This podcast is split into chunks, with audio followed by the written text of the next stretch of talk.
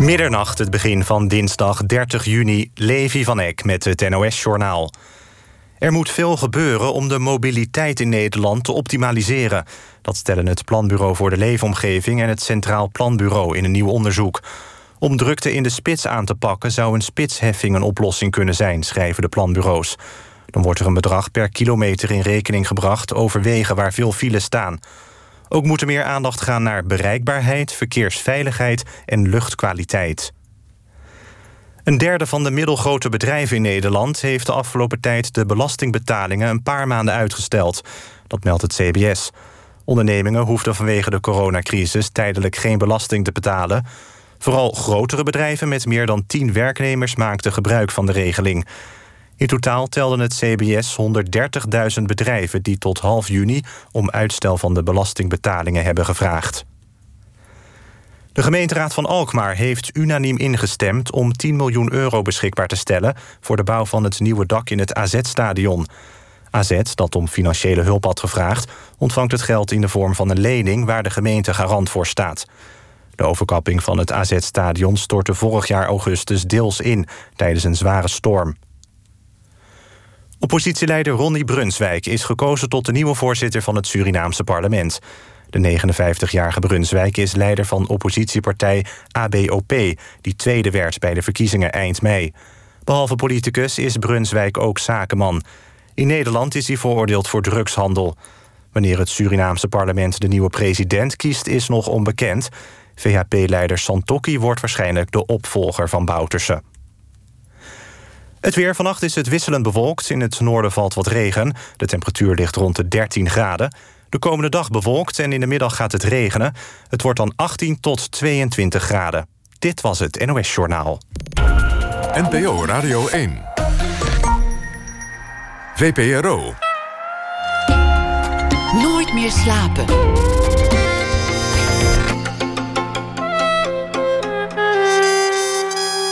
Met Pieter van der Wielen. Goedenacht en welkom bij Nooit meer slapen. 1 juli is het Kitty Kotti, het feest van de gebroken ketenen. We vieren de afschaffing van de slavernij, we vieren de vrijheid. We denken aan de mensen die nog steeds worden uitgebuit in de wereld, want daar zijn er vele van. En we vragen aandacht voor dat verleden. Dat laatste had een paar jaar geleden effect op een van de toeschouwers van de Bonte Optocht in Amsterdam. En dat was Maartje Duin. Het is natuurlijk niet een dag waarop we aandacht vragen voor slavenhouders of hun nazaten. Maar voor haar voelde het op die dag wel ongemakkelijk. Want onder haar bedovergrootouders bevonden zich, vermoeden ze al, waarschijnlijk ook slavenhouders. Wat wil dat zeggen? Aandeelhouders in een plantage waar slaven werden gehouden. Tout Louis heette die plantage in Suriname. Maartje Duin begon een onderzoek en ontmoette zo ook een van de nazaten van de tot slaaf gemaakte daar, Peggy Bouvens. En sindsdien trekken zij samen op, op zoek naar een gemeenschappelijke en pijnlijke geschiedenis. Maartje Duin is hier uh, komend uur te gast, want ze heeft meer projecten die het bespreken waard zijn. Journalistieke projecten over het algemeen met een persoonlijk vertrekpunt. Bijvoorbeeld over de verjupping van haar eigen wijk in Amsterdam. Een verjupping die ook haar verweten wordt over singles zijn en waarom singles altijd benadeeld worden door de politiek. Dat mondde uit in de single-issue-partij. Over de Alzheimer van haar vader. En dat soort verhalen worden dan radio-uitzendingen, podcasts, soms boeken of artikelen, soms zelfs theatervoorstellingen of heuse opera-uitvoeringen.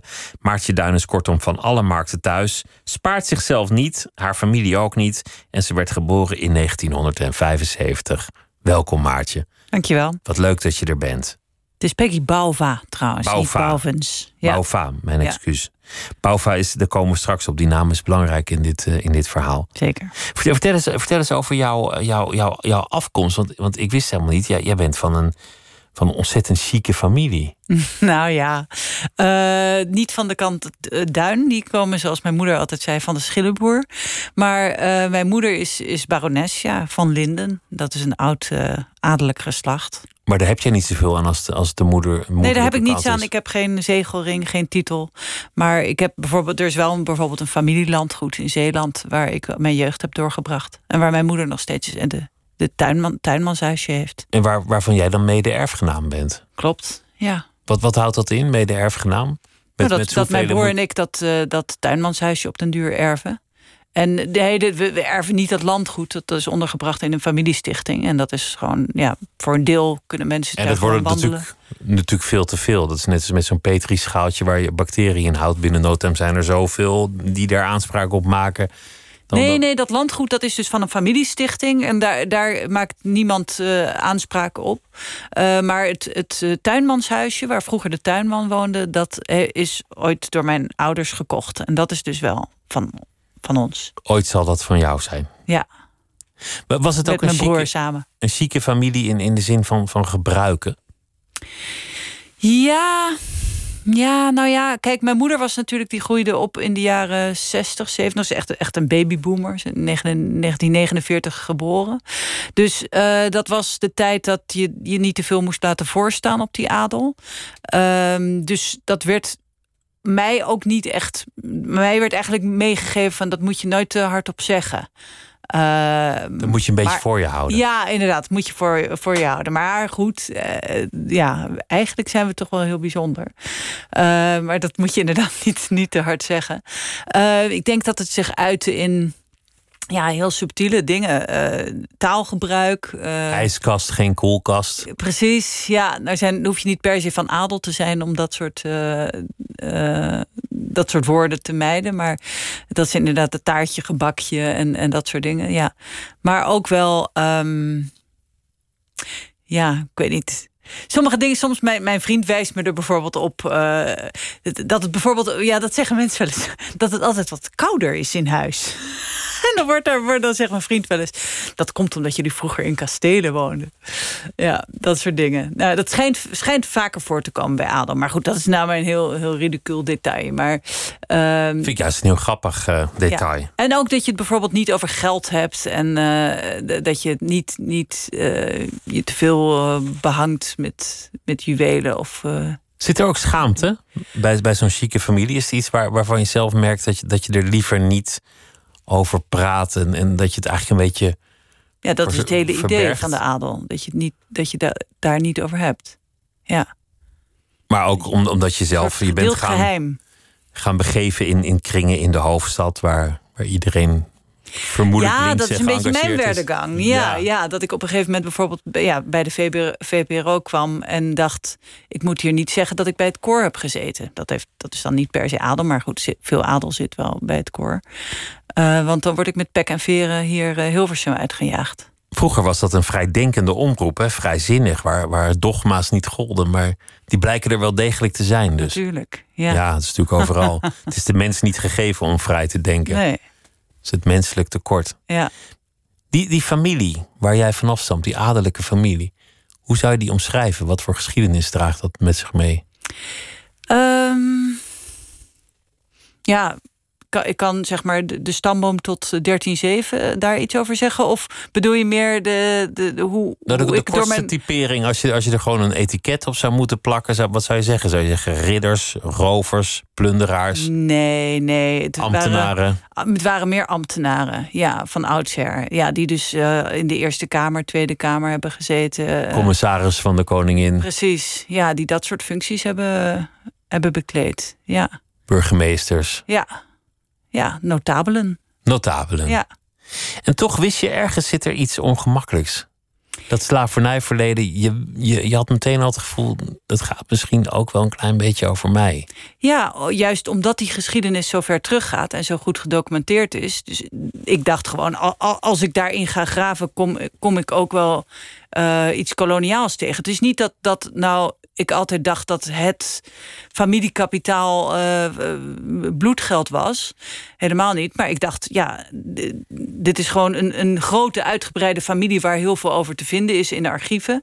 Ja, Nederland heeft een koloniale geschiedenis. Dus ja, dit wat zich hier afspeelt in het Oosterpark heeft vast ook met mijn familie te maken. Daar heeft mijn familie ook vast een rol in gespeeld. Dat geldt waarschijnlijk voor heel veel mensen in Klopt. Nederland. Ja, ja. Want het was een groot koloniaal rijk en daar zijn dan ook heel veel mensen bij betrokken. Precies. En uiteindelijk stammen we allemaal maar van een paar mensen af. Dus Ja, als het gedocumenteerd is, is er kans dat je iets tegenkomt. ja.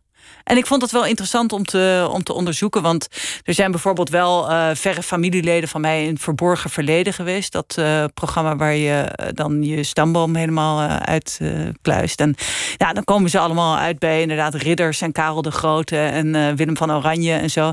En, en Witte de Wit, die dan als nationale held wordt gepresenteerd. Maar ja, ik had eigenlijk nog nooit gezien in zo'n programma dat iemand van adel, dat die dan opeens een, een, een, een plantagehouder zijn voorouders had. Dat zijn dan altijd de verhalen van, uh, van de Surinaamse Nederlanders die op zoek gaan naar hun roots. Die komen dan uit op een plantage in Suriname. Maar, maar de witte Nederlanders die van voorname kom af zijn, of van welke kom af ook eigenlijk, die komen nooit uit op een plantage in Suriname. En dat vond ik eigenlijk een beetje gek. Want je vermoedt dat daar iets verzwegen wordt. Dat mensen dan tegen de redactie van zo'n programma zouden zeggen: Nou, laat dat maar even. Nou, weg. Dat, is, dat is dus gebeurd in Amerika. Met heeft Ben, ben Affleck. Ja. heeft Ben Affleck. Die kwam er dus achter, inderdaad, door dat programma dat uh, zijn bed-bed overgrootvader 25 uh, tot slaafgemaakt uh, bezat. Ehm, en die heeft hij uit de montage laten knippen. Maar dat lekte toen uit en toen moest hij dus diep door het stof. Ja. Waarom wilde je het weten? Waarom interesseerde het jou of, of er bloed aan je voorouders vingers uh, kleeft? Uh, nou, dat kwam. Ja, ik was toch wel een beetje. Ik wist niet goed hoe ik mij met die, tot die Zwarte Piet discussie uh, moest verhouden. Of überhaupt dat, het, het, uh, debat, het koloniale debat. Hoe bedoel je en verhouden? Een Wist soort je niet wat je. terughoudendheid. Ja, deels denk ik de terughoudendheid van veel witte Nederlanders. Die denken, oh, glad ijs. Oh, ik weet er niet genoeg van af. Uh, ik hou me maar afzijdig. En, en dat vond ik eigenlijk een beetje, ja, een beetje lafjes. En deels ook omdat ik iets voelde van, ja... Dus in die familiegeschiedenis zit er ook iets wat mij tegenhoudt. Omdat, om daar vrij uit over te kunnen praten en denken en, uh, en om dat te kunnen onderzoeken. Een soort, toch een soort taboe. Dat, dat doe je niet. En ja, dat vind ik dus altijd wel interessante uh, punten om daar dan eventjes op te gaan drukken en te kijken wa waarom. J jij dacht gewoon als een journalist, daar zit pijn, dus daar moet ik zijn. Ja. Ja, dat, dat vind ik in ieder geval interessant om te onderzoeken. Ja. Ik, ik geloof niet in erfzonde, maar, maar jij waarschijnlijk ook niet. Dus met andere woorden, ik geloof niet dat je verantwoordelijkheid hebt voor iets wat gebeurd is voordat jij geboren was. Nee. Dat je daar schuld in draagt of dat soort dingen. Of, of, of is dat misschien toch een beetje wel zo? Nou, rationeel is dat niet zo. Is dat natuurlijk onzin. Je wordt vrij geboren. Maar, maar tegelijkertijd word je ook geboren met, uh, nou, met erfenissen. En in, in ons geval in Nederland is dat ook een koloniale erfenis. En groei je op in een land met een koloniale erfenis. En ja, is dat een schuld? Het is in ieder geval iets waar, waartoe je je moet verhouden, waar je rekenschap van moet geven. Want als je, als je voorouders heel erg rijk waren geworden, dan kreeg je waarschijnlijk nu ook een toelage. Ja. Dus zo werkt het ook wel weer. Ja, precies. Dus ja, die erfenis kan dan ook een schuld zijn, ja. Of een morele schuld. Ja. Hoe gaat ja. zo'n zoektocht? Want, want begin je dan met de familienaam op Google ja. en slavenhouder? Of wat is, ja, ja, wat is de ja. zoekterm? Gewoon familienaam en Suriname, familienaam en uh, slavernij, familienaam en plantages. En dat, uh, dat leverde al een heleboel op. Dat, dat, zo, zo snel ging het al? Ja, ja, en toen wist ik natuurlijk niet precies wie mijn voorouders dan waren. Uh, en toen heb ik een genealoog in de arm genomen. En die heeft mijn uh, kwartierstaat uh, gemaakt. Dat is dus al, zijn al je voorouders van vaders en moederskant in een soort, soort ja, waaiervormige figuur.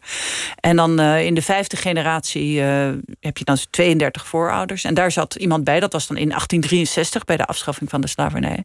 En daar zat iemand bij die dus um, gecompenseerd werd voor de voor de vrijmaking van de tot slaafgemaakte. Want dat, de Nederlandse regering die gaf aan alle mensen die bezitter waren of aandeelhouder van slaven of plantages met slaven een financiële genoegdoening Ja. omdat die hun bezit kwijtraakten door de afschaffing van de slavernij. Klopt, die kregen 300 gulden per mens. In, Eigenlijk. in die tijd toch een fix bedrag. Eh, ja, dat zou, nou, dat zou nu zo iets meer dan 3000 euro zijn. En hoe, hoeveel kregen jouw voorouders? Uh, dit was, mijn bed-bed overgrootmoeder. Maar omdat dan... Ja, ze waren dan met haar man. Bed-bed ja. moet ik altijd even denken, nou, Het is de vijfde we? generatie. Het is dus De, de oma van mijn overgrootvader. Oké, nou ja. ja.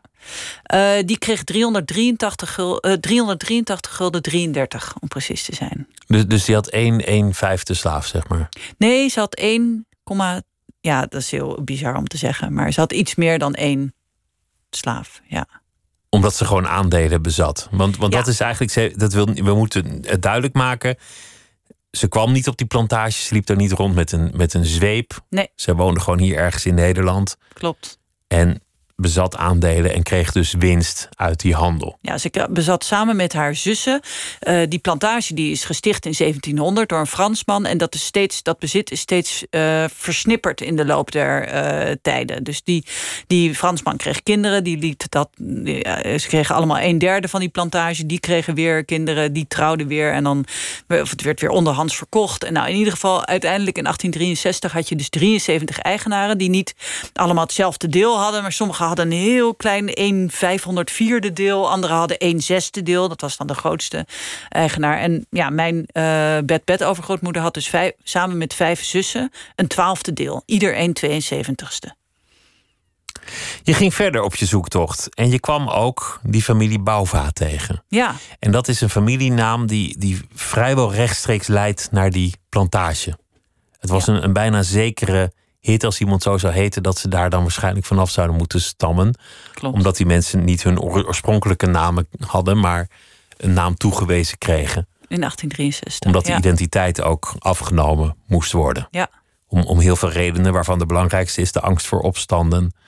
En, en eh, eigen identiteit is altijd gevaarlijk voor wie, wie iemand onvrij heeft gemaakt. ja, het waren producten. Zo, zo werden ze beschouwd. Ja.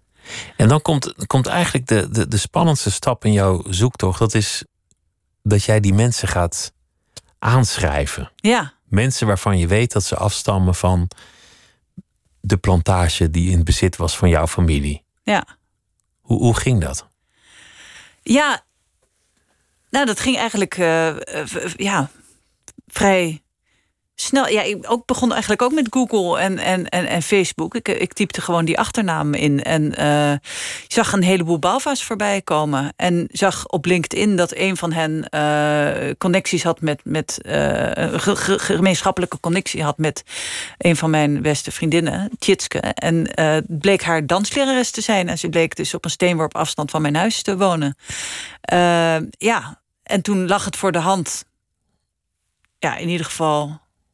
Voor mij lag het voor de hand. Misschien ligt het voor heel veel mensen helemaal niet voor de hand. Maar ehm, om, om met haar contact op te nemen. Dat vind ik eh, een moedige stap. Dat, dat, vind, ik, dat vind ik toch een. een eh, ja, bedoel, het is je werk en je wil het project doen slagen, en et cetera. Maar Mm. toch, toch vind ik dat moedig. Het, het vergt enig. eh, nou ja. Hoe noemen we dat? Cojones. Aplomb, zoals, eh, is wordt gezegd, ja. aplomb is, is adellijker dan cojones. Maar Ja. dat, om dat te doen. Ja. Ja, het is ook wel moedig dat zij met mij in gesprek wilde. Want eh, zij, met, de, met de microfoon erbij. Ja, ze wist natuurlijk ook niet wat, ze boven de, wat er boven de helft hing. En zij wees op haar nichtje, en dat is Peggy. En, en jullie zijn. Peggy, ja. Peggy. En jullie zijn een soort van vrienden geworden. Maar het interessante is dat zij al zelf heel erg geïnteresseerd was in dat verleden. Ja, Daar al onderzoek naar deed. En daar ook op een hele mooie manier over kan vertellen. Waardoor het jullie gezamenlijke project is geworden. Jullie gezamenlijke zoektocht naar een gedeeld verleden. En, en dat maakt het eigenlijk interessant. Dat is de grootste fonds die je in dit project had, had kunnen, kunnen doen. zeker. Ja, Peggy had gewoon een heleboel eigen vragen. Ze was al bezig met eh, familieonderzoek. Ze had een tijdje stilgelegen. En ja, mijn komst was eigenlijk voor haar eh, eh, een moment, een goe- goede gelegenheid om het weer op te pikken. Genealogisch onderzoek. Dus ze was eh, bezig met haar stamboom. En ze wist van, er waren dan in 1863 13 Bauva's die werden vrouw, vrijgemaakt. En eh, zij wist dat moeten dus mijn voorouders zijn. Want inderdaad, Bauva is een unieke naam. Dus eh, iedereen die nu de naam Bauva heeft, die komt van die plantage. Maar ze wist niet precies van wie van die, van die vrijgemaakte uh, mensen zij dan afstamden. En uh, dat wilde ze weten. En ze wilde weten hoe, ja, hoe, hoe het toeging op die plantage. En ze was ook benieuwd naar of er in mijn familie bijvoorbeeld nog eigendomsbewijzen waren of, of informatie. Ze, ze, ze dacht, goh, misschien ja, kan deze vrouw mij helpen met het reconstrueren van die geschiedenis. Jullie zijn samen de archieven ingegaan. Er zijn, er zijn nog archieven te vinden. Die, die eh, zijn een beetje verspreid over plekken. Maar dan kun je eigenlijk best veel te weten komen. Dit is een fragment van jouw familie. Die erachter komen dat dit project er echt gaat komen. En niet iedereen in jouw familie vindt dat natuurlijk leuk. Sorry Maartje, ik heb er nog eens grondig over nagedacht. Ik werk toch niet mee omdat ik vrees voor reputatieschade voor onze familie. Ik bel hem op. Maar dan ga ik dus het verhaal vertellen zonder jouw kant van het verhaal te horen. Nou ja. Want je denkt dat als jij jouw mening geeft, dat er dan een uh, activist voor je deur komt staan. Ik ga dat ze helemaal niet verwijten. Dat is ook helemaal niet mijn intentie. Nee. Mm. Nou ja, nou, als ik dan toch nog één argument in de strijd mag werpen. Ik, vind het ook niet goed voor het uh, maatschappelijk debat. als, je, als jouw klacht is of, van het uh, debat over het slavernijverleden is een beetje gekaapt door uh, de linkse, linkse kant van het spectrum. En ik, ik hou maar mijn mond. Nee, maar zie jij het echt zo dat ik met zo'n programma de familie te schande maak? Oké. Ik vind het echt jammer, maar goed. Oké. Hoi, hoi. Ga maar een andere familie exposen, maar niet je eigen familie. Mijn familielid vindt me een nestbevuiler die geen respect voor haar voorouders heeft. Volgens mij neem ik ze juist voor het eerst van mijn leven serieus. Al dus Maartje Duin tegenover mij zit uh, vanwege de podcast over het uh, verleden, het slavernijverleden van haar voorouders. En de eerste schuring in de familie is al ontstaan. Een uh, conflict. Je hebt ook een mooie adellijke manier van, van ruzie maken, hoor ik ineens. dat, doe je, dat doe je ook heel chic, maar, maar gedecideerd. Dit is, maar, dit is maar één aspect ervan. Wat, wat had je geen ruzie noemen hoor. Is dit geen ruzie? Nee, dit ging een goede nee, discussie. Gewoon, ja, we agree to disagree. Oké. Ja. Nou ja. Wat, wat had je gedaan als, als, als de familie Bouwvrouw had gezegd: Goh, ja, nou, het zegt, uh, we willen herstelbetalingen. Als ze hadden gezegd: Nou ja, jij hebt, jij hebt vast wel wat geërfd en dat tuinhuis komt er doorgaan, uh, laten we zeggen, 50.000. Ja, uh, dat hebben ze nog niet gezegd. Misschien dat, gaan ze dat nog zeggen. Nee, ze waren alleszins redelijk. En, ja. Tot nu toe in de reeks, want de reeks is nog niet af. Een, een deel zo uitgezonden, maar tot nu toe waren ze alleszins redelijk en geïnteresseerd. Mhm. Maar stel dat ze hadden gezegd: Goh, ja, nou je het zegt. Laten we zeggen 50.000. Dat zou toch een redelijke aanbetaling zijn voor, voor die zwarte bladzijde uit de geschiedenis. Ja, ja dat wat, zou ik zeggen. ik ga dat overleggen. nee, zou je dat gaan overleggen? Ja. Of, of, zou je gewoon zeggen: Nou, joh, mijn rug op, kom nou toch. Nou, dat zou ik sowieso niet zeggen. Nee, natuurlijk niet. Nee, ja, ik vind dat een heel interessant uh, gegeven, die, die herstelbetalingen. En hoe we daarover denken en hoe we het denken daarover kunnen, kunnen oprekken. Toen ik aan het project begon, dacht ik echt dat dat het meest extreme uh, ja, uiteinde van het debat was, zeg maar. Nu ik me meer in heb, heb verdiept, denk ik, goh. Ja, hoe, hoe zou je dat dan moeten doen? In Amerika zijn er, zijn er al voorbeelden van uh, bijvoorbeeld een universiteit die bezig is met uh, herstelbetalingen, die, waarvan alle studenten jaarlijks 27 dollar inleggen in een fonds dat gaat naar de nazaten van tot slaafgemaakten die in der tijd zijn, uh, zijn verkocht, waar de universiteit van heeft kunnen floreren. Ja, dat is heel interessant, levert hele interessante discussies op. Want ja, onder die studenten zitten ook zwarte studenten die zelf ook weer van slaafgemaakten afstammen. En die betalen dus ook jaarlijks mee 27 dollar in een fonds. En uh, ja, ik vind dat wel een heel interessant uh, uh, debat. Waar gaat het dan? Gaat het om geld of gaat het om erkenning? Gaat het om inderdaad mensen van gemengde kom af, die zowel van een, een, een, slavenhouder als een tot slaafgemaakte afstammen. hoe, hoe, hoe rijmen die dat, zeg maar, met, met zich, binnen in zichzelf? En ehm, ja, moet, moet dat geld dan inderdaad ook nog in de familie zijn? Ehm, of wat als het verbrast is? Heb je dan inderdaad geen, geen schuld meer? Wat als je, als je voorouders dat allemaal verbrast hebben? Of hebben we eigenlijk meer immateriële. Uh, ja, een immateriële erfenis uh, dan, dan een materiële erfenis van die slavernij overgehouden. Hè? Doordat we als, als witte mensen in een maatschappij uh, leven waarin ja, huidskleur nog steeds een, uh, een factor is die, die bepaalt. Waar, waar het de laatste weken veel over gaat in het nieuws en, en, met reden. Ja. is natuurlijk in die zin komt je landje project wel, wel heel mooi in de, in de media. Ja. Bijna cynisch om het zo te zeggen, maar er is aandacht voor op dit moment. Ja. Dus dit, dit dus onderwerp. Dus behoefte aan, aan, aan kennis in ieder geval, aan verdieping. Ja, dat merk ik wel heel erg. Het, het, het rare is, je staat er natuurlijk altijd ongelijk in. Omdat jij een soort van de keuze hebt om je te engageren in dit onderwerp. Mhm. Als het gaat over racisme of, of slavernijverleden. Het, het is een, jij kunt zeggen, nou ja, zou ik dit doen of niet? Ja. Terwijl voor veel andere mensen, mensen van kleur, is dat helemaal niet een keuze. Nee. Dat is, dat is een, een feit in hun leven waar ze niet omheen kunnen. Dat, dat maakt het een, een ingewikkeld ja, dat verklaart ook die terughoudendheid van, van witte mensen. Dat is ook heel makkelijk. Je kunt je ook makkelijk afzijdig houden, want jij wordt er nooit op aangesproken. Maar gelukkig begint nu wel meer, steeds meer het besef in te dalen dat racisme toch echt een wit probleem is. Waar mensen van kleur last van hebben. Maar dat het wel ja, iets is wat in onze samenleving zit. En in ons allemaal. Dus ik denk dat. Uh, dus ja, je, dat je moet je ermee bemoeien. Je, je moet ja. je daar. Want, want ik, ik verdenk ook, en het is bijna cynisch om te zeggen, veel witte mensen van, van een white savior complex. Dat is Mhm. niet een term die ik zelf heb bedacht hoor, maar ik vind het, ik vind het vaak ongemakkelijk als ik bijvoorbeeld witte, witte meisjes in het Vondelpark met zo'n vuist omhoog zit op één, één knie. Zo'n symbool. Ik denk, ja, die, die merken voetballers die verloren hun carrière. Maar jij doet dit en je zet het op Insta, maar het heeft niet meer die lading als jij het doet. Het, het, uh, nee, oké. Okay, pijn maar... zit er niet echt. Begrijp je wat ik bedoel? Ja, ben je dan een white savior? Ja, als je solidair bent met uh, de antiracisme-strijd. Nou ja, niet omdat, per definitie, dat, ja. Omdat veel mensen daarmee ook een soort pluim in eigen hoed steken. Van, van kijk mij eens optreden als redder van anderen. Mm -hmm. En waarmee ja, die dat andere gevaar groep, ligt op de loer. Ja. Waarmee die andere groep vaak ook een beetje wordt afgeschilderd als zwak, onderdanig. Of, of toch weer in die positie wordt afgeschilderd als slachtoffer. Wat niet altijd een dienst is voor een ander. Ja, maar dan moeten, de, moeten mensen van kleur het dus maar zelf oplossen.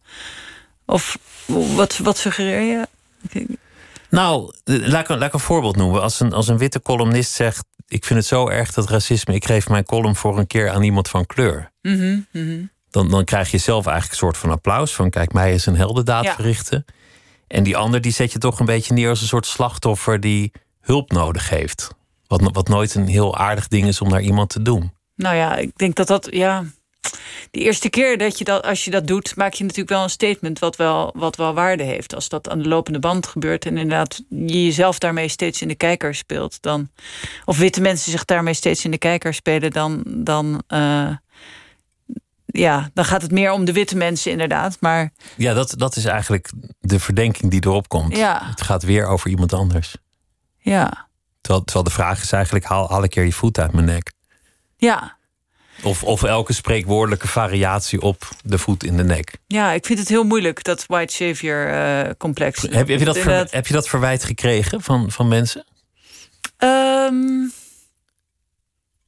nee, maar ik ben er wel heel alert ook wel op geweest. Het, uh, dit hele project. Ik heb ook, uh, behalve dus die bed-bed overgrootmoeder die uh, aandeelhoudster was, heb ik een, een, tante ontdekt. Een zus van mijn overgrootvader, die in Suriname zat en die eigenlijk daar als white savior naartoe ging. En dus ben, juist met dat doel daar naartoe is getrokken? Ja, ja, die ging echt een beetje boete doen. En die, die, die schreef ook brieven naar Nederland, waarbij ze dus Nederlanders aansprak op uh, de collectieve schuld die ze, die ze hadden. Ze was dan, uh, ging voor de evangelische broedergemeente uh, naar de stadszending. Dus zij ging arme mensen helpen en heeft daar heel goed werk gedaan. Ik bedoel, in Suriname wordt ze nog steeds op handen gedragen. Terwijl ze in, nou ja, mensen die, die haar nog gekend hebben. Ze is in die eind jaren zestig overleden. Maar ik heb gewoon van, van mensen gehoord, hele oude mensen die. Die, die haar nog meegemaakt hebben. Ja, maar goed, uh, in haar brieven klinkt toch uh, heel erg door dat, ja, dat, dat mensen toch uh, ja, wel heel arm waren en, en ze moesten geholpen worden door haar. Maar dat ze toch ook wel echt een, een potje ervan maakte. En, ja, in welke zin? Nou, dat ze bijvoorbeeld niet netjes trouwden en dat ze maar met Jan en Alleman het bed indoken en stalen. En, en misschien helemaal niet echt geloofden, maar alleen maar lid van de kerk werden omdat ze dan aanspraak konden maken op de stadszending. En wat moeten we daar nu toch mee? En uh, zo had God het allemaal wel zo bedoeld en zo. En zij is wel steeds een soort van. Um, ik heb haar steeds zo in mijn achterhoofd van... ben ik nu een tante Willemien? Uh, als een historisch alter ego. Ja, iemand die toch met het opgeheven vingertje elke keer uh, komt... Heel, heel graag goed wil doen en ook uh, recht wil zetten... wat er historisch mis is gegaan, maar, maar wel op haar voorwaarden. Aan de andere kant kun je natuurlijk ook gewoon zeggen... het, het gaat om het onder ogen zien van het verleden. Dan zijn we nog niet op het punt van er iets mee moeten, van herstelbetalingen of, of het helemaal doortrekken naar, naar het nu. Maar gewoon erkennen dat die geschiedenis een grote rol speelt in ons land. En dus ook in de levens van de mensen die daar nu wonen. Mhm. En daarom vind ik zo'n zo'n ontmoeting tussen, tussen de twee kanten vind, vind ik wel spannend. Ja. Jullie zijn van dezelfde generatie, opgegroeid in dezelfde stad, hebben dezelfde hobby's. En toch een totaal ander verleden. Ja. Dat is een boeiend gegeven. Ja, ja. Dat zal niemand En dus ook een hele andere kijk op de wereld. Ja.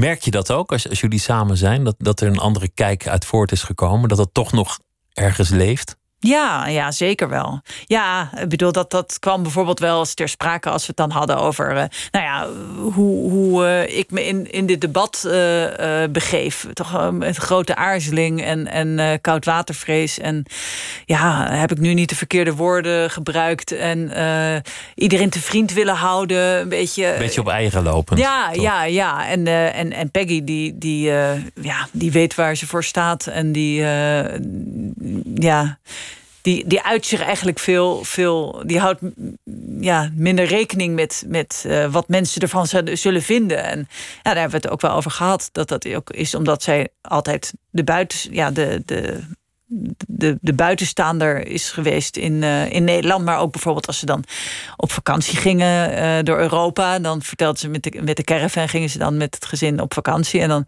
kwamen ze in landen waar uh, nauwelijks zwarte mensen waren. En ja, daar werden ze uh, soms uitgejouwd of, of genegeerd. Of, um, en dat dat haar heel erg had gehard. En dat ze daar dus nu heel goed uh, mee om kon gaan.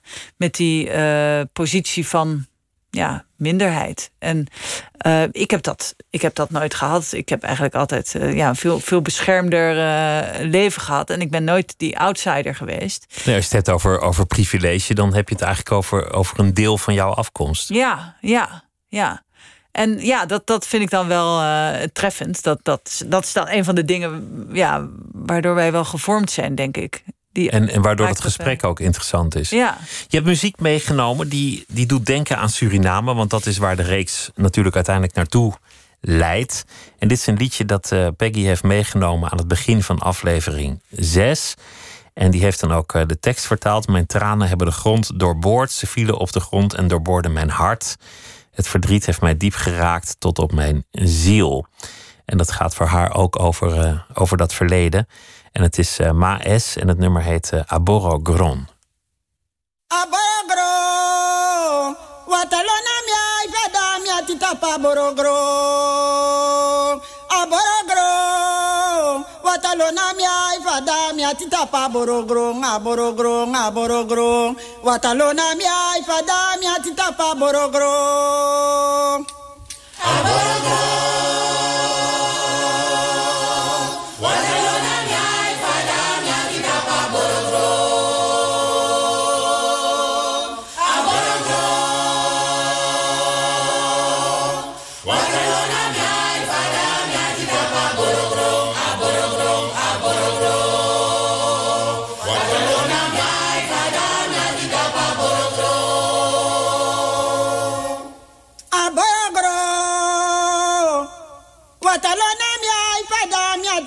Aborogro, aborogro. borogoro watalo na mi a ipada mi tita pa borogoro a borogoro a watalo na mi ipada tita pa borogoro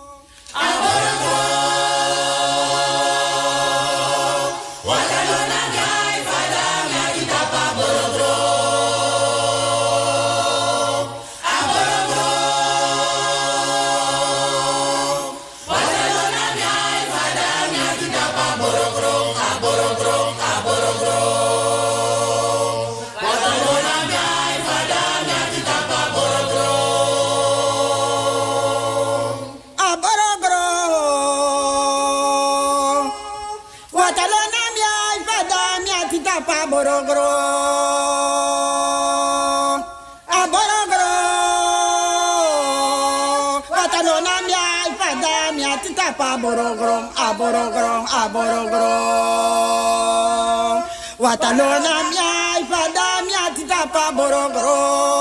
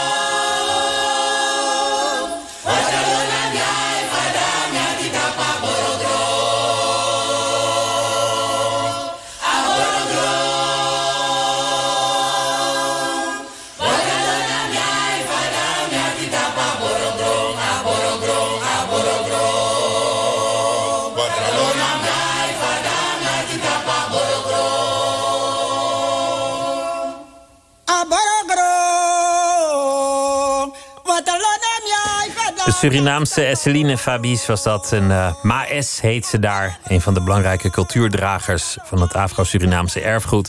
Tegenover mij zit uh, Maartje Duin. We begonnen over je adellijke afkomst. En je zei nog, ja, dat is één kant. De andere kant die, uh, is een stuk minder chic. En toen hadden we het toch over dat ergens een heel chic familieverleden je vooraf gaat, dat heel ver uh, teruggaat. Maar aan moederszijde, dus geen zegelring en geen titel voor jou. Het slavernijverleden, ja, je dacht ergens moet dat er ook wel in voorkomen. En dat ongemak vond je juist interessant voor een podcast. Want dat is wat je doet. Persoonlijke vertrekpunten zoeken voor verhalen die uiteindelijk maatschappelijk zijn of iets over ons land zeggen. En zo ging je op zoek naar dat plantageverleden. Je vond het ook, aandelen. En uh, een voorouder die gecompenseerd werd voor het houden van iets meer dan één slaaf in totaal. En je ging op zoek naar de nazaten van die plantage. Niet moeilijk te vinden, de familie Bauva. En uh, toen nam je een moedige stap, je ging naar ze toe en ging het gesprek aan. En dat verleden bleek aan beide kanten te leven. En dat is het begin geweest van de zoektocht naar dat verleden. Hoe is dat verleden nog terug te vinden? Wat ligt er in de archieven? Hoe ging dat allemaal eigenlijk? En hoe werkt dat door in het heden? En zo kwamen we te spreken over uh, het, uh, de kwestie van het racisme en uh, over het white savior complex. Een ongemak dat jij misschien ook wel gevoeld hebt bij het maken van hoe moet ik mij eigenlijk verhouden? Hoe moet ik mij bewegen in dit, in dit verhaal? We hebben ervoor gekozen om met jou te praten en niet met, met Peggy. Dat zou misschien makkelijker zijn omdat Peggy. Peggy, om dat met allebei te doen. Maar de reden is dat we ook altijd over de rest van iemands werk gaan praten. En jij bent duidelijk de initiatiefnemer van dit hele project. En ik wil ook graag praten over, over de rest van jouw radiowerk. Want je hebt inmiddels ontzettend veel projecten gedaan. Die, die allemaal verschillend zijn, maar toch een paar dingen overeenkomstig hebben. Wat, wat, wat was het moment dat je dacht, ja, zo ga ik het doen? Ik ga gewoon zelf projecten initiëren die misschien af en toe een beetje origineel lijken of zoiets, maar zo ga ik journalistiek bedrijven. Hoe heb je die stem gevonden? Hmm, ja, nou ja, eigenlijk.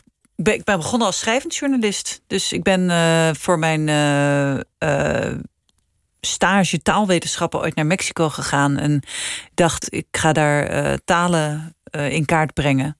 Um, maar ik vond het reizen en met mensen praten eigenlijk veel leuker. En hun verhalen optekenen. En um, daar is een eerste boek van gekomen. En dat was eigenlijk al een, een, een, vrij persoonlijk of mijn persoonlijke observaties. Caroline Visser, de reisschrijfster, was toen mijn grote idool. Dus ik dacht, ik ga in haar voet, uh, voetsporen treden. Uh, dat, is, dat, is, uh, dat heb ik ook wel gedaan. Dus ik heb ook wel veel ja, reisreportages gemaakt. En op een gegeven moment. Amerika, Los Angeles. Ja, op een gegeven moment kwam ik in Los Angeles. En daar ehm, had je het legendarische radioprogramma This American Life, waar ik heel veel naar luisterde. Omdat ik natuurlijk in Los Angeles zit je voortdurend in de auto. Dus um, dat kwam dus zo tot mij. En die verhalen, de journalistiek, die, die, ja, die lag mij heel erg. Ook de intimiteit van de stem en, uh, en inderdaad die manier van storytelling. Dus vaak dat, dat uh, character-driven. Dus ja, dat je een verhaal, een journalistiek verhaal vertelt aan de hand van een. Uh, Eenvoudig vertrekpunt. Ja, precies. Een iemand die een persoonlijke ontwikkeling doormaakt. Ja, en toen ik terugkwam in Nederland bleek er een groepje radiomakers uh, met hetzelfde idee rond te lopen. Uh, van de VPRO, uh, met Jair Stijn. De, toen hebben we daar ben ik terechtgekomen in een soort klasje waar we ons die manier van storytelling eigen maakten. En zo, zo ben ik er min of meer ingerold. Je maakte bijvoorbeeld een, een, een programma over je eigen buurt, waar veel onvrede heerst bij de wat ze zelf noemen oorspronkelijke Amsterdammers, of meer gezegd de echte Amsterdammers. En die moeten er niks van hebben dat al die woningen duur zijn verkocht worden aan mensen van buiten. Ja. En een van die mensen van buiten, dat ben jij. En die reeks begint met een, met een soort inspraakavond die totaal uit de hand loopt. waarbij jij alleen maar een montage hebt gemaakt van de moderator die probeert orde te houden in het gekrakeel. Ja. En dat was prachtige radio. Het, het, het, leent zich niet zo mooi om in een fragment te knippen, dus dat, dat heb ik niet. Maar daar heb je meteen het hele verhaal te pakken zonder dat een iemand rechtstreeks zich tot de microfoon gewend heeft. Wat leuk dat je dat aanhaalt. Ja, dat is ook een van mijn favoriete scènes. Ja. ja, meneer, laten we afspreken dat u zich wel gaat gedragen. En in de volgende scène wordt jou echt door, door een van je buurmannen de oren gewassen. Je krijgt er echt van langs. Ja. ja, de politiek maakt het voor jou mogelijk dat jij hier een uh, huis kan betrekken. En waarom wil jij hier wonen eigenlijk? Waar een dakdekker uh, kan wonen. Waarom wil ik daar ja, wonen? Dat, dat vraagt die man dan. Ja, precies. Ja, waarom ben je niet in Rotterdam gebleven? Ja. En dan zeg ik, ja, maar ik, ik woon nu al twintig jaar in Amsterdam. Ja, maar toch ben jij geen echte Amsterdammer. Ja, dit is een heel leuke eh, buurman trouwens... die ik nog steeds uh, vaak tegenkom bij het hond uitlaten. Waar ik zo, nu een hele, klonk, hele goede verstandhouding mee heb. Hij klonk helemaal nee, niet is een hele leuke man. is een hele leuke man. Ja, ja. ja met, een, uh, met een sterk buurtgevoel. En uh, hij had ook wel een paar goede punten trouwens. Dus ja, de gentrificatie oh, ja. is... ja, is een, een, een, kracht in de stad die niet altijd de buurt ten goede komt. Maar zo'n verhaal wordt leuker als je, als je zo begint... dan wanneer je zegt, we gaan het hebben over, over gentrificatie. Ja, ja, klopt. Dat, dat, wordt, een beetje, dat wordt een beetje saai. Dat wordt ja. een beetje rabarber. Ja, ik verdiep me dan altijd wel in die statistieken. En ik, ik ga ook vaak experts opzoeken en zo. Maar die snijd ik dan uiteindelijk toch vaak uit de montage. Ja, die komen daar niet in terecht. Je begon ook de, de single-issue partij. Voor de belangen van singles. Ja. Wat, wat, wat, is dat eigenlijk voor, voor, voor kwestie? Waarom was dat uh, iets dat um, moest gebeuren? Ja, dat kwam omdat ik me ergerde aan de manier waarop er over single zijn uh, ge, ge, gepraat werd. Als een soort tijdelijke staat waar je eigenlijk zo snel mogelijk uit moest komen. En dat er nooit ingezoomd werd op wat dat dan was, het leven alleen. Dus uh, ja, met een ingewikkeld woord, de heteronormativiteit van uh, de samenleving. Dus dat we geacht worden allemaal paarsgewijs uh, ons op een gegeven moment af te zonderen en uh, voor te planten. Um, en voor mijzelf gold dat bijvoorbeeld heel lang niet. Um, ik was tot mijn 37ste single. En ja, bleef dan maar de hele tijd in die, in die tussenstand zitten van ja, ik, ik, ik, zit in een soort niemandsland kennelijk. Maar ik wilde dat niemandsland eigenlijk beschrijven en daar met andere mensen over praten, over hun, hun dagelijkse beleving. Het leven is niet ingesteld op alleenstaanden. Dus we leven in een stellensamenleving. En um, ja, dat, Noem eens voorbeelden waar, waar dat uit blijkt. Uh, nou ja, dat is bijvoorbeeld uh, in, in het erfrecht bijvoorbeeld. Hè, als je dus, uh, je hebt fiscale ja, douceurtjes voor als je, je je kind een erfenis nalaat... of als je je partner een erfenis nalaat... dan heb je een hele hoge belastingvrije voet. Maar als je dus geen partner hebt of kinderen... en je wil je beste vriend iets nalaten... dan komt hij in het vreemdentarief. En ehm, daar moet je heel veel belasting over betalen. Nou, dat is eigenlijk heel gek. Dat is een soort bevoordeling van de romantische relatie of de. Uh, de officiële relatie. Precies, boven de, boven de vriendschapsrelatie.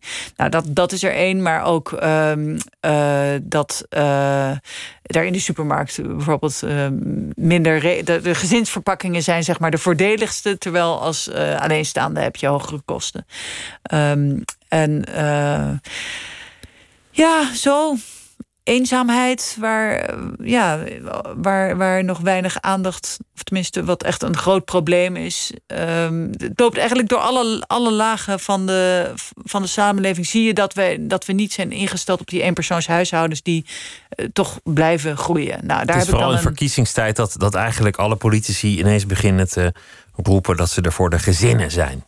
Ja, nooit voor de alleenstaande inderdaad. Nee, dat, dat dus is nog nooit goed gehoord. Om, dat dus, uh, om daar dan een fictieve politieke partij van te maken. Die in ieder geval, toen heb ik een jaar lang de belangen van alleenstaanden in kaart gebracht. En nu komt het, het, het nou ja, hier moet nog eens een keer een kerstfilm van komen. Dat is namelijk Maartje Duin die besluit om een, een singlepartij op te richten. Die denkt, dan moet ik me inlezen en bestelt bij een boekhandel elk boek dat ze kan vinden over het thema. En de jongen van de boekhandel denkt, nou, dat is, dat is eigenlijk een heel leuke vrouw die hier steeds die boeken over single zijn komt halen. Het ging iets anders. Het, ging, het, ging, het, ging, andersom. Het ging andersom. Ik bestelde een boek over inderdaad uh, van een Amerikaanse singlesactiviste uh, bij, bij deze boekhandelaar. Um, en uh, die, die had het niet. Die, die ging het voor me bestellen. En, en een week later kreeg ik inderdaad een mailtje van dat dat boek was, was gearriveerd. En toen dacht ik, goh, dat, dat was volgens mij een heel leuke boekhandelaar. Dus ik, ik had het boek inmiddels zelf via een ander kanaal snel sneller in huis. Maar ik heb toen een mailtje gestuurd naar dat algemene e-mailadres van die boekhandel. Wat vervolgens ook de hele boekhandel is doorgegaan van goh, boek is inmiddels, uh, is inmiddels in huis. Maar misschien wil de jongen van de tweede verdieping een keer met me uit. En, en dat is nog steeds je. Dat is mijn, dat is mijn vriend. Je vriend. Ja, ja, dus toen was ik lijsttrekker van de single issue partij, maar ik was zelf geen single meer. En je was zelf smoorverliefd en permanent samen en, en uh, niet, niet bij hem weg te slaan. Nee, maar goed, ook, ook dan uh, kun je nog steeds solidair zijn met de rechten van alleenstaanden. Zeker, Bob Geldof was ook geen hongerige Ethiopiër, dus dat, dat kan allemaal, solidariteit. Precies. Het, het is wel interessant dat, dat je projecten steeds meer vorm aannemen, heb ik de indruk. Ja, ze groeien een beetje uit de pan, ja. ja. Want, want je bent met het, het project dat gaat over Alzheimer, ben, ben, je theater ingegaan voor een deel. Dat, dat heeft eigenlijk meerdere disciplines uh, beslagen. Ja. Wat is dat voor project? Nou, niet zozeer de theaters, meer de Alzheimer-cafés. Dus ik, uh, wat ik had, zijn Alzheimer-cafés? Dat zijn uh, plekken waar mensen samenkomen om te praten over dierbaren met over hun dierbaren met Alzheimer. Of, en zelf en, mensen met Alzheimer kunnen daar ook naartoe. Of andere vormen van dementie. Die vaak, dat wordt vaak in een buurthuis gehouden. Of een andere ja, laagdrempelige plek. Mijn vader had Alzheimer. En ehm, ik had een radiodocumentaire gemaakt over ja, zijn, zijn nadagen eigenlijk waarin ik met hem naar de Sterrenwacht in Leiden ben geweest. Waar hij uh, gepromoveerde in de jaren zeventig. Een tijd van zijn leven waar ik niet veel van af wist. En ik heb mij daar laten rondleiden door, door een vriend van hem... die nog steeds uh, in de, op de Sterrenwacht werkte. En samen met mijn vader dus. En ja, we hebben zo die tijd die, voordat ik geboren werd gereconstrueerd. En dat werd een verhaal over, ja, eigenlijk een poëtisch verhaal over de ongrijpbaarheid van zowel het heelal als, als de ziekte van Alzheimer. Die twee dingen kwamen bij elkaar. Ja. De man die je vader ooit was, zijn, zijn aftakeling en de onbevattelijkheid van het universum. Klopt. Ja. Hoe, hoe was dat om met hem daar rond te lopen? Want, want hij was toen al niet meer echt in, in goede doen. Nee. Ja, dat was heel mooi, want hij leefde helemaal op. Dus hij, de, de, de sterrenkundige die hij ooit was, die kwam weer een beetje terug. En uh, ook de ontmoeting met die oude vriend, uh, die, uh, die die dus kende uit die tijd, die, ja, dat activeerde hem eigenlijk. En dat, dat, trok hem even uit die waas van, uh, van Alzheimer. Ineens was hij er weer even. Ja, ja. Kwamen, kwamen de herinneringen toch weer helder terug. Ja. En hoe, hoe koppel je dat? Want het is een magische plek, de Leidse Sterrenwacht. Ja. Dit is ja. een van de meest bijzondere plekken van, van ons land. Sterrenkijken gebeurt daar al lang niet meer, want het is veel te licht boven zo'n stad. Maar je, je hebt een aantal van die oude observatoria, ook in Utrecht, die is ook heel mooi. Ja. Maar hoe, hoe kwam dat universum samen met die Alzheimer? Um, je bedoelt in het verhaal of, of ja, daar in het, in het verhaal. Of hoe, hoe, hoe heb jij dat ervaren dat die twee met elkaar te maken hadden voor jouw gevoel? Ja, het gaat eigenlijk over het, de zoektocht naar iets wat je, wat je niet begrijpt, wat te, te ja, onbevattelijk is. Het heelal dat zo groot is. Op een gegeven moment heb ik, heb ik uh, archieffragmenten uh, gevonden van uh, professor Oort. Dat was dan ook een docent, of die gaf mijn vader les. En die kon daar heel mooi over vertellen. Over dat je als sterrenkundige eigenlijk een ontdekkingsreiziger bent... die het heelal ingaat en die daar eigenlijk niet over kan vertellen... aan de mensen op deze aarde. Omdat het zo groot en zo abstract is. En ehm, ja, je, je, zou daar wel iets over willen vertellen, zei hij dan, maar, maar dat, dat kan niet, omdat de taal daarvoor ontbreekt. Of omdat ook mensen er niet van begrijpen die niet zo wiskundig zijn ingesteld. En uh, ja, dat, dat, dat deed mij zo denken aan die, aan die ziekte, waarin je elkaar niet meer begrijpt, waarin je elkaars taal niet meer spreekt. En ja, mijn vader, die in een soort ander universum leefde, een, een, een, een wazig universum waar ik geen toegang toe had. Alleen maar heel af en toe. Het is ook zo tragisch dat iemand zijn hele leven bezig is met het vergaren van kennis ja. en begrip. Ja. Om dan uiteindelijk dat allemaal weer te moeten verliezen. Ja, dat al die erg... kennis nergens echt is opgeslagen. Ja, inderdaad. Het, het, ja, wat dat zit in wat dat verhaal voor mij ook het, het vergeefse streven van de mens. Je denkt, waar, waar was het eigenlijk allemaal goed voor? Dat, leven. Ja, waar dat rennen we al die rondjes voor? Ja. Hoe is het geëindigd met, met je vader? Hij is overleden in uh, 2016. Hoe? Ja, zo aan, aan, Alzheimer. Alzheimer is dodelijk. Dus op een gegeven moment vallen steeds meer functies uit. En uh, op een gegeven moment ja, kun je ook niet meer slikken. En dan uh, kun je dus ook niet meer eten. Was jij erbij?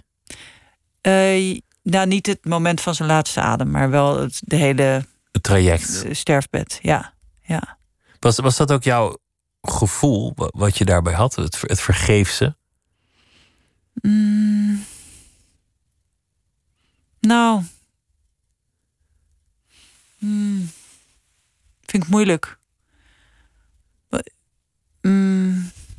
Het vergeefse van het. Van... van... het bestaan. Dat je denkt, waar, waar, waar, ging het eigenlijk allemaal over? En nu is iemand er niet meer. En dan, of of had, je, had je daar had je andere gedachten erbij? Of, of maak ik het allemaal veel te filosofisch?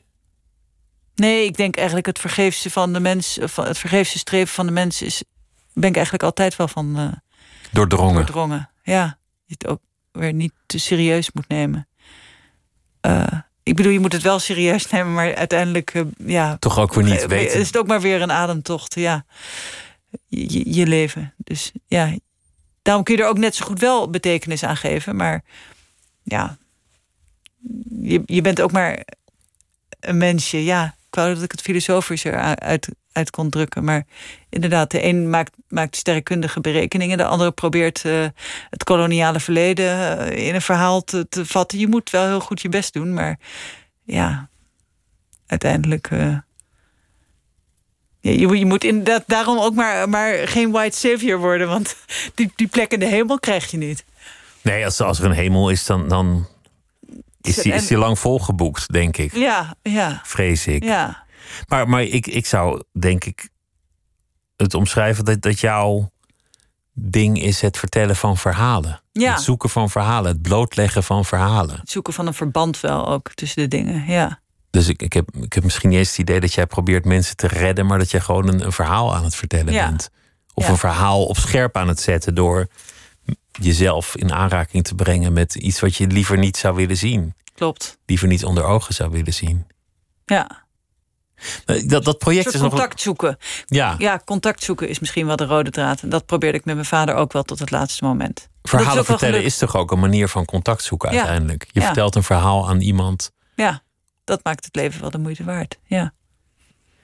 Dat, dat project is nog lang niet voorbij. Want, want we hebben het er nu over alsof het, alsof het een beetje een afgerond project is. Het project van, eh, van het slavernijverleden. Maar, maar je zit er nog, nog tot de haargrens in. Ja, ik ben nog aan het monteren aan de laatste aflevering. En dat, dat is nummer acht. Ja. Waarin het ook over de herstelbetalingen zou gaan. Maar wat gaat er daarna gebeuren? Blijft dit, blijft dit een onderwerp voor jou? Of, of denk je nou ja, nu weer wat anders? Wel. Nou ja, ik bedoel, zoals ik met dat verhaal over mijn vader... Eh, dus een aantal jaren langs Alzheimer-cafés heb uh, getoerd... om daar met mensen over te praten. Dat is dus zo mooi. Dat je denkt denk dan dat je een afgerond verhaal hebt uh, gemaakt. En dan word je erin getrokken. Nee, maar dan andere mensen voegen daar hun verhalen aan toe. Dus daar, ik ging daar dan met mensen over in gesprek. En die, ja, die, die vertellen hun verhalen over hun mensen met, met dementie. En zo merk ik nu ook al in de reacties op, uh, op deze podcast. Dat er heel veel mensen zijn die zelf geïnspireerd zijn om met hun uh, sporen van het slavernijverleden in hun familie aan de slag te gaan. Ja, dat, daar komt een enorme ja, hoeveelheid verhalen weer los. En, en hoe, kunnen we dat, hoe kunnen we dat in goede banen leiden? Ik wil daar dus wel heel graag eh, mee door. Ja, ook, ook uh, door gesprekken te organiseren. Uh, door daar, ja. Om dat verleden tot leven te wekken. Om mensen te doordringen van, van wat dat verleden eigenlijk is. Wat voor geschiedenis. Ja. En dan denk ik. Ja, precies. En dan, dan zou, zou ik het bijvoorbeeld mooi vinden om mensen uit geprivilegeerde uh, families als de mijne ertoe aan te sporen om dat onderzoek te doen. Ook omdat er in archieven uh, op, op uh, landgoederen, op de zolders van landgoederen, vaak informatie ligt die voor mensen nazaten van tot slaafgemaakte van heel veel waarde kan zijn. Dus dat lijkt me bijvoorbeeld een nuttige, nuttig vervolgproject om mensen daartoe te inspireren en, te laten zien hoe, hoe pak je dat dan aan. En ook hoe kom je over de schroom heen om. Uh, ja, is, uh, dat dat een bezoedeling van, uh, van, van het blazoen zou kunnen zijn. Of dat er misschien familieleden zijn die dat zo ervaren. Dus dat lijkt me bijvoorbeeld een heel mooi vervolgtraject. Ja, hoe kunnen we ons blijven engageren met, met dat thema, met dat koloniale verleden. En wat moeten we met dat verleden? Want, want nu worden standbeelden omvergetrokken. En welke mag dan blijven staan en, en welke niet? Nina Jurne had een mooi stuk in de krant over standbeelden die juist de andere kant vertegenwoordigen van mensen die op allerlei plekken in de wereld tegen de slavernij hebben gevochten. Ja. En die als helden worden herdacht. Precies. In Caribische landen, in, in Suriname, op Haiti, dat soort plekken. Ja. Dat vond, vond ik een prachtig verhaal, omdat het ja, dit weer een andere kant laat zien, die, die, die misschien ook wel meer, meer tot trots kan stemmen. Ja, en die ook eigenlijk heel erg past bij de waarden die wij nu uitdragen. Ik bedoel, uh, wij zijn allemaal voor, ja. voor vrijheid en uh, van onderdrukking. Dus ik bedoel, dat soort, dat soort uh, standbeelden zouden er in Nederland ook meer opgericht kunnen worden. En die verhalen zouden ook verteld moeten worden. Zeker, ja. Van, van de helden. Ja, zeker. Wat, wat ga je doen uh, in juli op, op Kitty Kot? Is dat, is dat nu een vast uh, ritueel voor jou? Of is dat een vaste gebeurtenis? Nou ja, deze uh, Kitty Kotti zijn Peggy en ik dus uh, weer te gast uh, in, in, in een televisieprogramma. En we hebben dan s'avonds in Pakhuis de Zwijger hebben we een meet-up. Ja, dat zou dan normaal met een zaal vol mensen zijn. Maar dat is nu dus thuis te, oh, dat is ook virtueel, ja. Ja, en dan gaan we in gesprek met, met Leo Balai, de historicus. En Kathleen Ferrier. Um, die allebei betrokken zijn bij het, het museum dat uh, in de maak is over het slavernijverleden. Van hoe, verhaal, hoe, hoe uh, vertel je nou dat gedeelde verhaal? En hoe zorg je nou dat het een geschiedenis wordt van ons, van ons allemaal? Van het hele land. Ja, precies. Ja. Hoe integreer je die verschillende perspectieven? Wat Peggy en ik dus in de podcast ook hebben geprobeerd. Ja. Leo Balai is, is een van de belangrijkste historici in Nederland op dat gebied. Een, een man waar daar kan ik gewoon vijf uur naar luisteren als die ja, praat. Een hele goede verteller. Fantastische, ja. fantastische spreker. Het is wel grappig. Het wordt vaak de zwarte bladzijde genoemd. Maar hoe meer je over de geschiedenis leest, hoe meer je erachter komt dat, dat er af en toe een witte bladzijde tussen zit. Een niet zwarte bladzijde bedoel ik daarmee. En dat, dat dit gewoon voor een groot deel de kern van die geschiedenis was. Een integraal onderdeel, ja. Het is niet, niet een klein aspect ervan. Nee, dit, dit is gewoon wat de Nederlandse overzeese geschiedenis was. Ja, de ja. essentie ervan. Ja. Roven, plunderen, ja. graaien. Ja, en dat, dat voel je zo als je in Suriname rondloopt. Ik vond dat zo, zo indrukwekkend. Hoe je daar eh, ja, ziet dat dat land, eh, hoe het, ja, wat eigenlijk eh, oerwoud is natuurlijk. Hoe dat eh, zo met de liniaal van de Nederlander eh, hè, is, is ingedeeld in, in plantages. En de, ja, de wijken van Paramaribo hebben ook nog steeds namen van plantages. Een heel groot gebied ja, heet Daar- naar daar oude het. plantages. Daar voel je het, de, de samenstelling van de bevolking. Al, al die mensen Al die, die daar rondlopen. Maartje, dank je wel. Maartje Duin. En veel succes en een fijne kitty kotti. En dit was Nooit meer slapen. Goeienacht. Op Radio 1. Het nieuws van alle kanten.